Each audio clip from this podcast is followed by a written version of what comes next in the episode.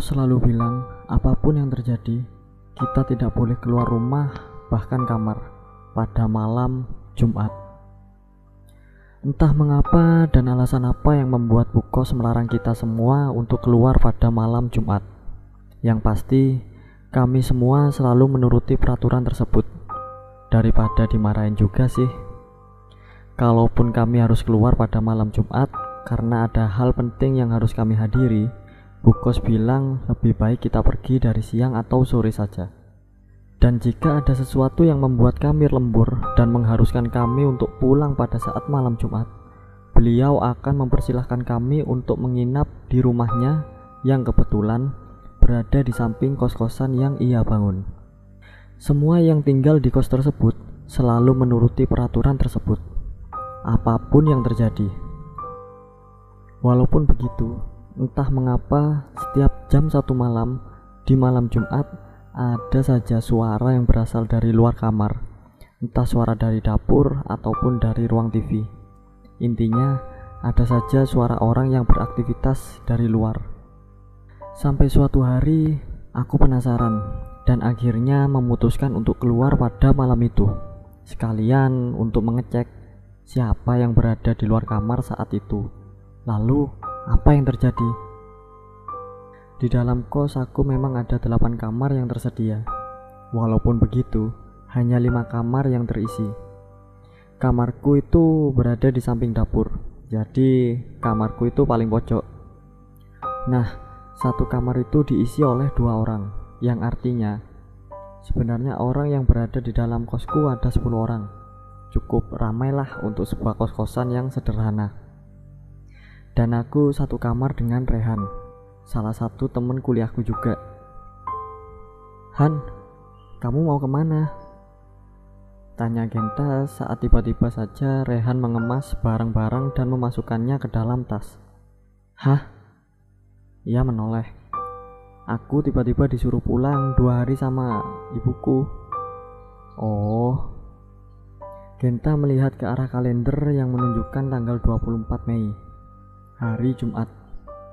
Cepet ya bre, bentar lagi malam Jumat nih. Genta mengingatkan. Iya iya, aku pergi ya, ucap Raihan yang lalu pergi menutup pintu. Iya, Genta menjawab singkat. Dan itu adalah hari pertama Genta tidur sendirian di dalam kamar kos. Saat itu Raihan pergi pada jam 5 sore. Terus, berhubung saat itu sedang malam Jumat, jadi seperti biasa, Aku nggak bakal keluar kamar sampai besok pagi. Pukul 6 sore, kita semua sudah mengunci kamar kita masing-masing. Kalau nggak boleh keluar, kalau haus gimana? Biasanya sebelum mengunci kamar, kita akan menyiapkan makanan dan minuman terlebih dahulu. Agar jika kita lapar mendadak, kita tidak harus keluar. Waktu berjalan begitu cepat. Tiba-tiba saja jam sudah menunjukkan pukul satu malam dan seperti biasa aku terbangun karena ada suara orang yang sedang berjalan di dapur. Hal ini memang sudah sering terjadi. Entah siapa yang berada di luar, aku juga nggak tahu. Tapi jika biasanya suara yang terdengar hanya sekedar orang yang beraktivitas di dapur atau orang yang sedang menonton TV, kali ini berbeda. Setelah mendengar suara orang yang sedang berjalan di dapur, tiba-tiba saja aku mendengar Raihan sedang berbicara sambil tertawa-tawa layaknya orang bertelepon. Ya, tentu saja aku bingung. Bukannya Raihan tadi sudah pergi? Pikirku malam itu. Awalnya aku ragu dan mengira bahwa ini semua hanya bagian dari halusinasiku. Tapi lama-kelamaan suara Raihan tuh tambah kenceng dan semakin membuat aku yakin bahwa yang sedang berbicara di luar adalah Raihan. Karena penasaran, akhirnya aku mencoba menempelkan kupingku di dinding untuk mengecek bahwa orang yang sedang berbicara di luar memang benar-benar Raihan. Sebelum akhirnya aku ikut keluar dan menghampiri. Dan pas aku dengar lagi, ternyata itu emang benar-benar suara Rehan. Akhirnya aku coba tuh keluar. Eh ternyata pas nengok ke arah dapur, aku melihat punggung Raihan yang sedang berdiri membelakangiku. Tapi pas aku lihat, ternyata dia bukan lagi teleponan. Dia malah lagi nyuci piring. Karena aku yakin itu adalah Rehan, ya aku samperin lah. Walaupun begitu, entah mengapa, semakin aku mendekat, hawanya tuh semakin aneh. Sebenarnya, aku udah ngerasa sih ada sesuatu yang janggal. Cuma, aku mencoba berpikir positif bahwa aku ngerasa aneh dan merinding gara-gara aku habis bangun tidur. Wih bro, aku menepuk pundak Raihan. Kamu ngapain? Dan dugaanku benar, ternyata sosok yang sedang berada di depanku bukanlah Raihan, melainkan sosok yang matanya bolong dan mulutnya robek. Ya Tuhan, dalam perantara kudusmu aku memohon berkat, pertolongan, sembuhkanlah penyakit yang menyerang teman saya. Raihan berdoa. Assalamualaikum. Zakwan membukakan pintu. Eh iya, malam. Genta masih sakit. Tanyanya. Iya, udah tiga hari nih gak bangun-bangun. Jawab Raihan cemas. Semenjak kejadian tersebut, Genta tiba-tiba saja ditemukan dalam keadaan pingsan di dapur dan tak kunjung bangun untuk tiga hari ke depan. Dan karena itu tidak ada satupun orang yang tahu penyebab Genta pingsan serta apa yang terjadi. Emang dia sakit apa sih? Aku juga nggak tahu. Kamu nggak nanya Bu Ina? Nanya sih, cuma Bu Ina juga nggak tahu. Katanya paling kecapean. Jawabnya. Lah kan kamu satu kamar. Aku pergi bang. Aku mana tahu dia kenapa. Oh, bilang dong. Ucap Zakwan. Ya udah, aku pengen ke masjid dulu. Kamu jaga kos ya. Lanjutnya yang lalu pergi ke masjid bersama Ilham dan lainnya. Iya iya, hati-hati.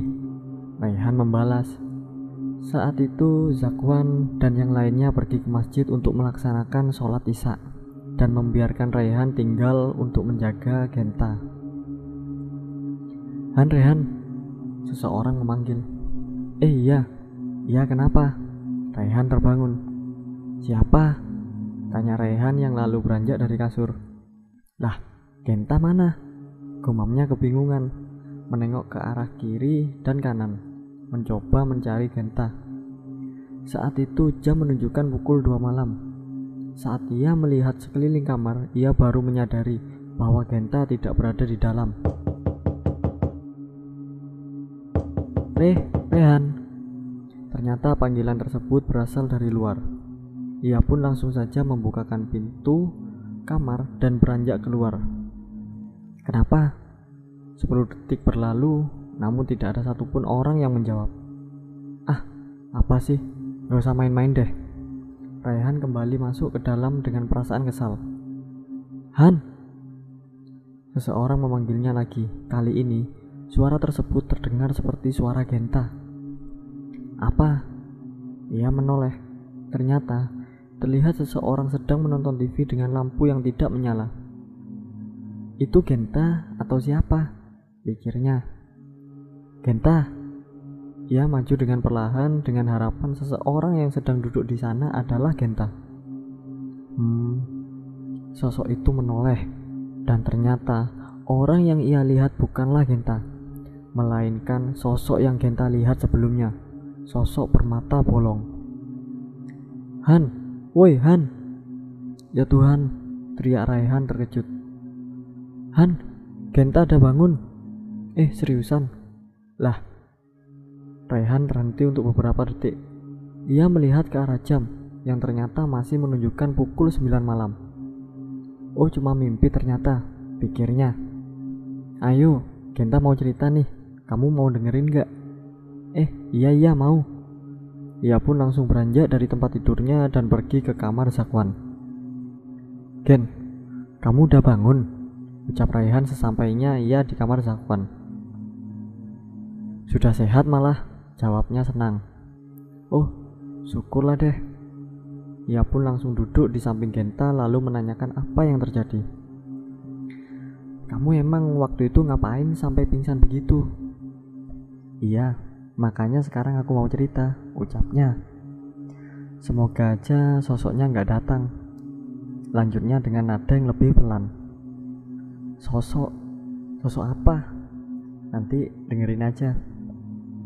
Setelah Genta menceritakan apa yang terjadi, tentu saja ibu kos langsung mengamuk setelah mengetahui bahwa hal tersebut terjadi karena Genta melanggar peraturan. Udah dibilang kan, nggak usah keluar pas malam Jumat. Nggak didengerin sih. Padahal baru aja sembuh langsung kena marah. Ya tapi Genta salah juga sih. Dan semenjak itu akhirnya semua penghuni kos mengetahui alasan Bu Ina melarang kita untuk keluar dari kamar pada malam Jumat. Karena memang sosok tersebut hanya mengganggu pada malam Jumat. Tapi kata Genta, sosok tersebut tidak hanya mengganggu pada malam Jumat. Malam biasa pun dia tetap ganggu. Cuma gak separah malam Jumat. Gak tahu juga berhubungan, aku gak pernah ngalamin. Tapi tenang saja, walaupun sosok yang berkeliaran pada malam Jumat sudah ketahuan. Setelah kejadian yang menimpa Genta minggu lalu, pada malam Jumat ini ia mengunci pintunya dengan sebuah meja. Sungguh berlebihan, namun aku membiarkannya saja. Dan untungnya, malam Jumat tersebut berlalu dengan tenang. Walaupun begitu, di sisi lain, kamar Vino dan Ian. Ian, mana sini kuncinya? Pinta Vino secara tiba-tiba.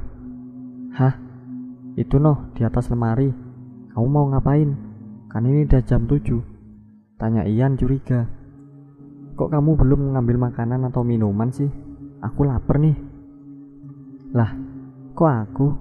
Kan tadi aku udah bilang, pas asar langsung ngambil minum aja. Bukannya ngambil, kamu malah main HP. Aku gak denger. Ia beralasan.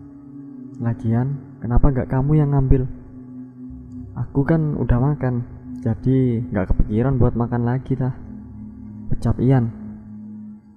Udahlah, mending besok aja. Kan kamu tahu sendiri kemarin si Genta kenapa gara-gara keluar. Lanjutnya mencoba menghentikan Vino untuk keluar dari kamar. Sebentar doang mah, nggak apa-apa kali. Jawabnya. Nggak lah, nggak usah. Minum air keran aja sono. Ya kalian, mending kamu tidur aja deh. Ntar juga kamu bakal lupa kalau kamu lapar. Sudah sono tidur. Perintahnya. Ah, ya udah deh.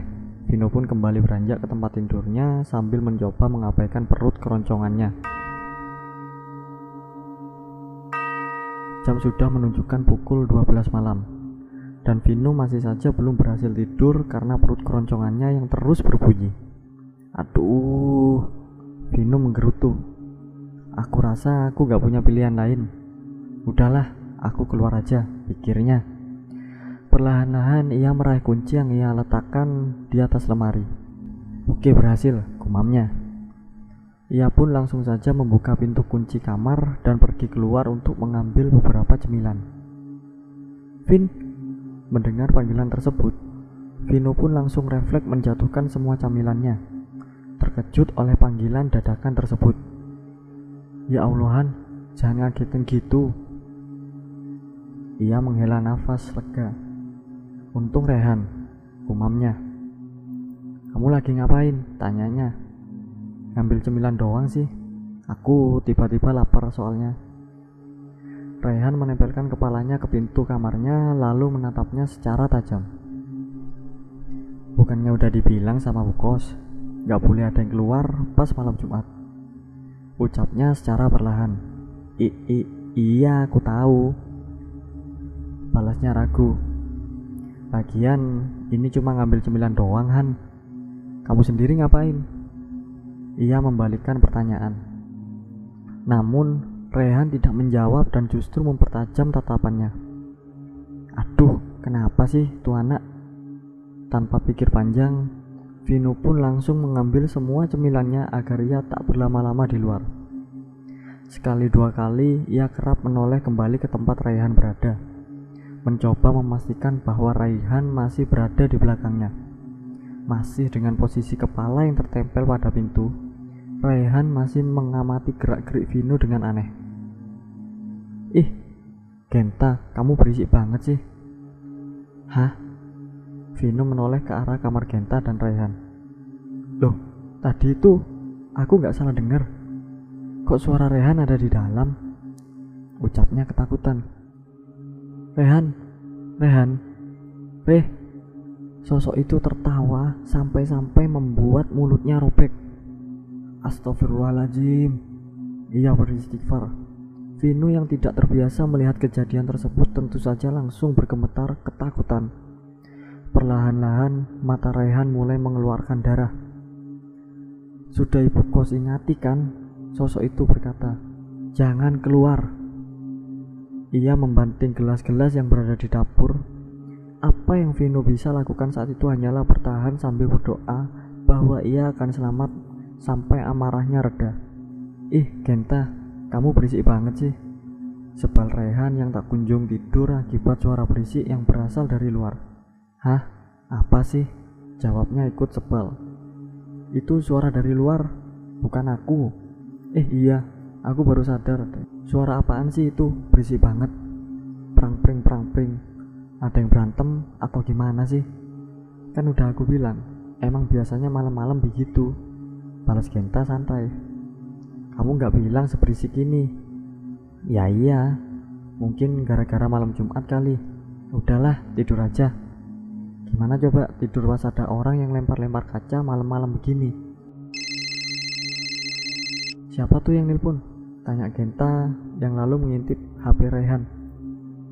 Si Zakwan, balas Rehan yang lalu langsung menjawab panggilan tersebut. Halo?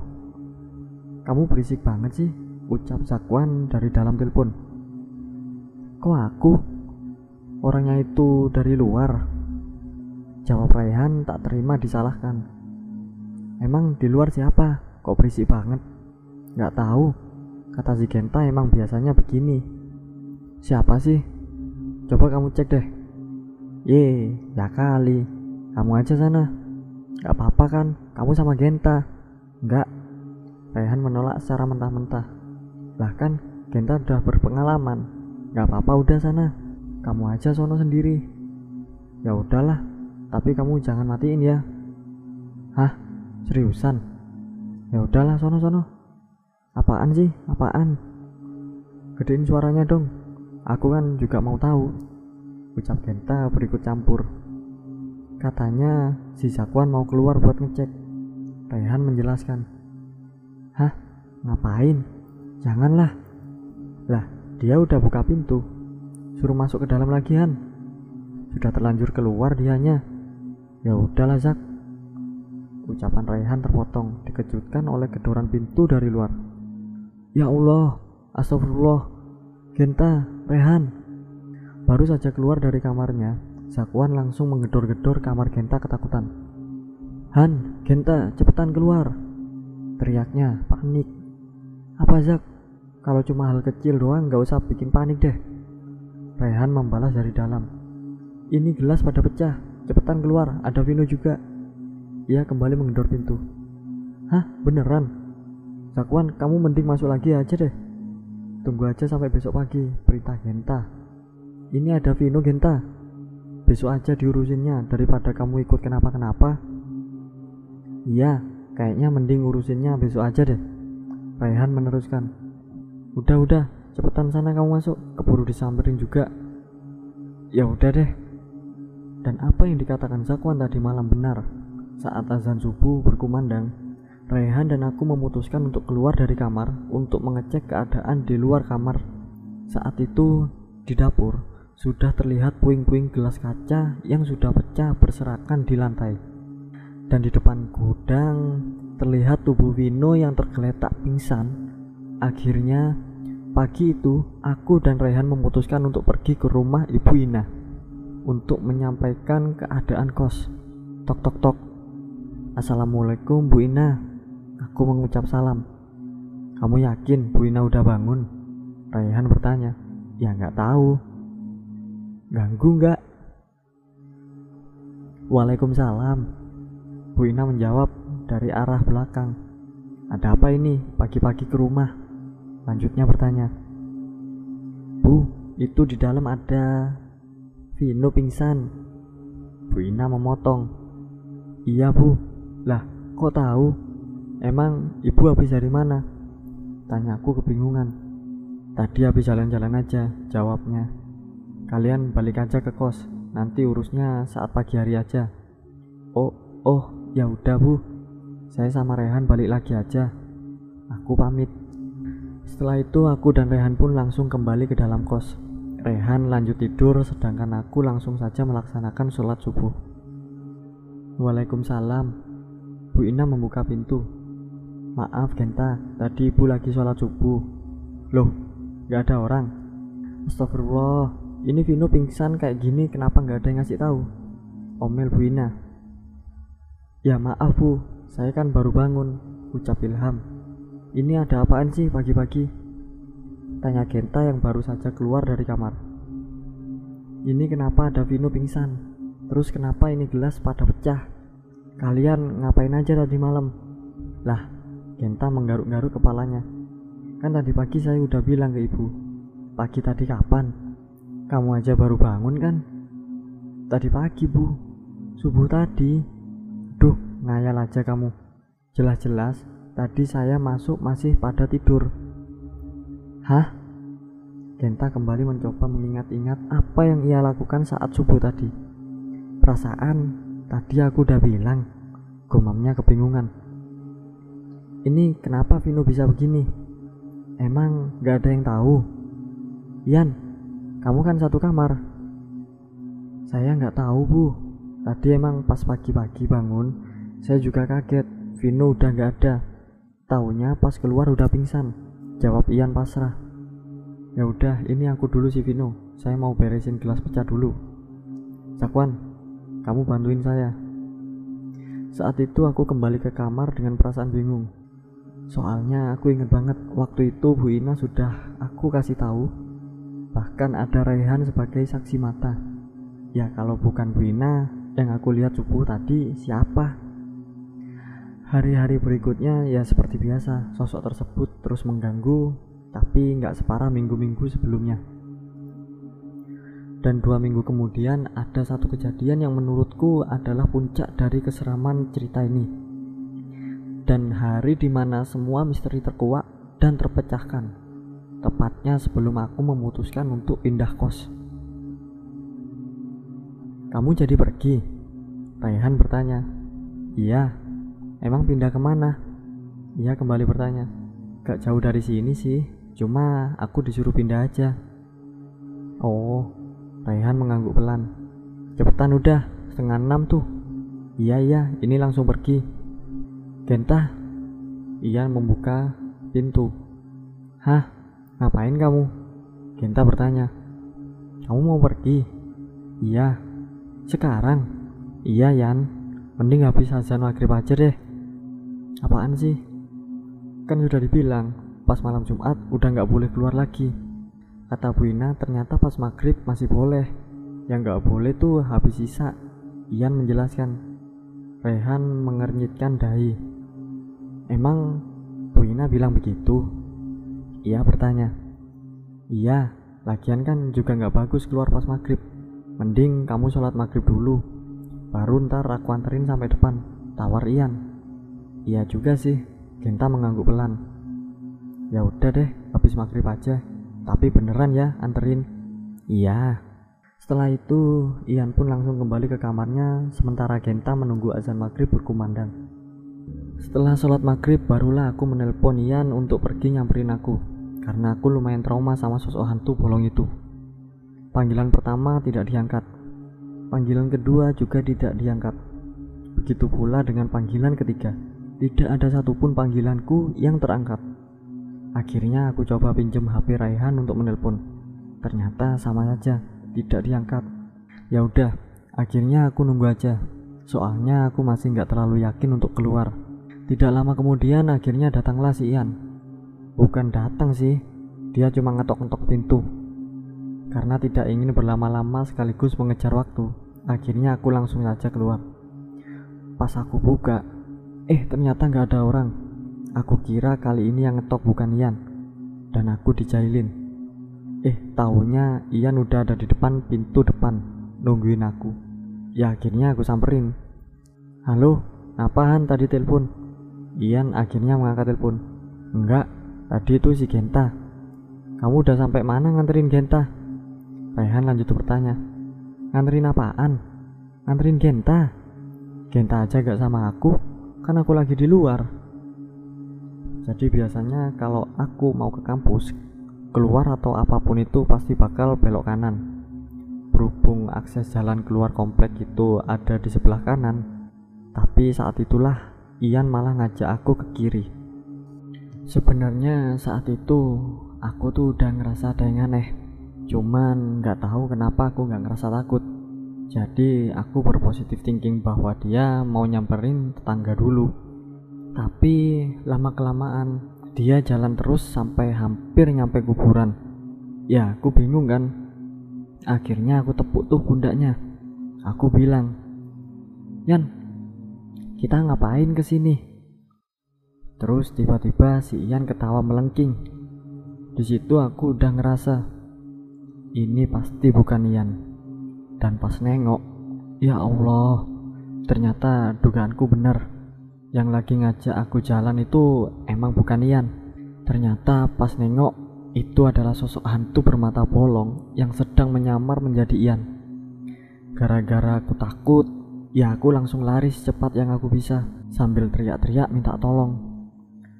Lelah berlari, aku mencoba melambatkan larianku dan mencoba menengok ke belakang untuk mengecek hantunya tuh masih ikutin atau enggak?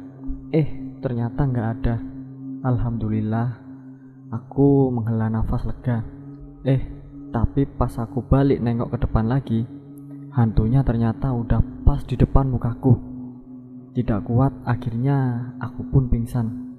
Dan setelah semua kejadian tersebut Bu Ina tuh baru cerita bahwa sosok hantu bermata bolong tersebut dulunya adalah korban pembunuhan dan sosok tersebut dulunya memang tidak baik. Karena itulah Bu Ina sempat enggan untuk menceritakan tentang sosok tersebut. Katanya sih sosok bermata bolong itu emang bukan dari kompleks itu. Cuman sosok tersebut tuh ternyata pernah dibawa sama salah satu penghuni kos. Dan yang ternyata sengaja meninggalkan dia di sana. Dan salah satu alasan mengapa Bu Ina tidak memberitahu kita tentang sosok tersebut sebelumnya adalah karena Bu Ina takut kita jadi ketakutan dan kos yang beliau bangun menjadi bangkrut. Untungnya sih enggak, tapi aku nggak tahu sih kenapa sosok tersebut mengganggu kita sampai segitunya. Tapi kalau kata Rehan, sekarang sosok tersebut sudah tidak terlalu mengganggu karena dia pindah tempat.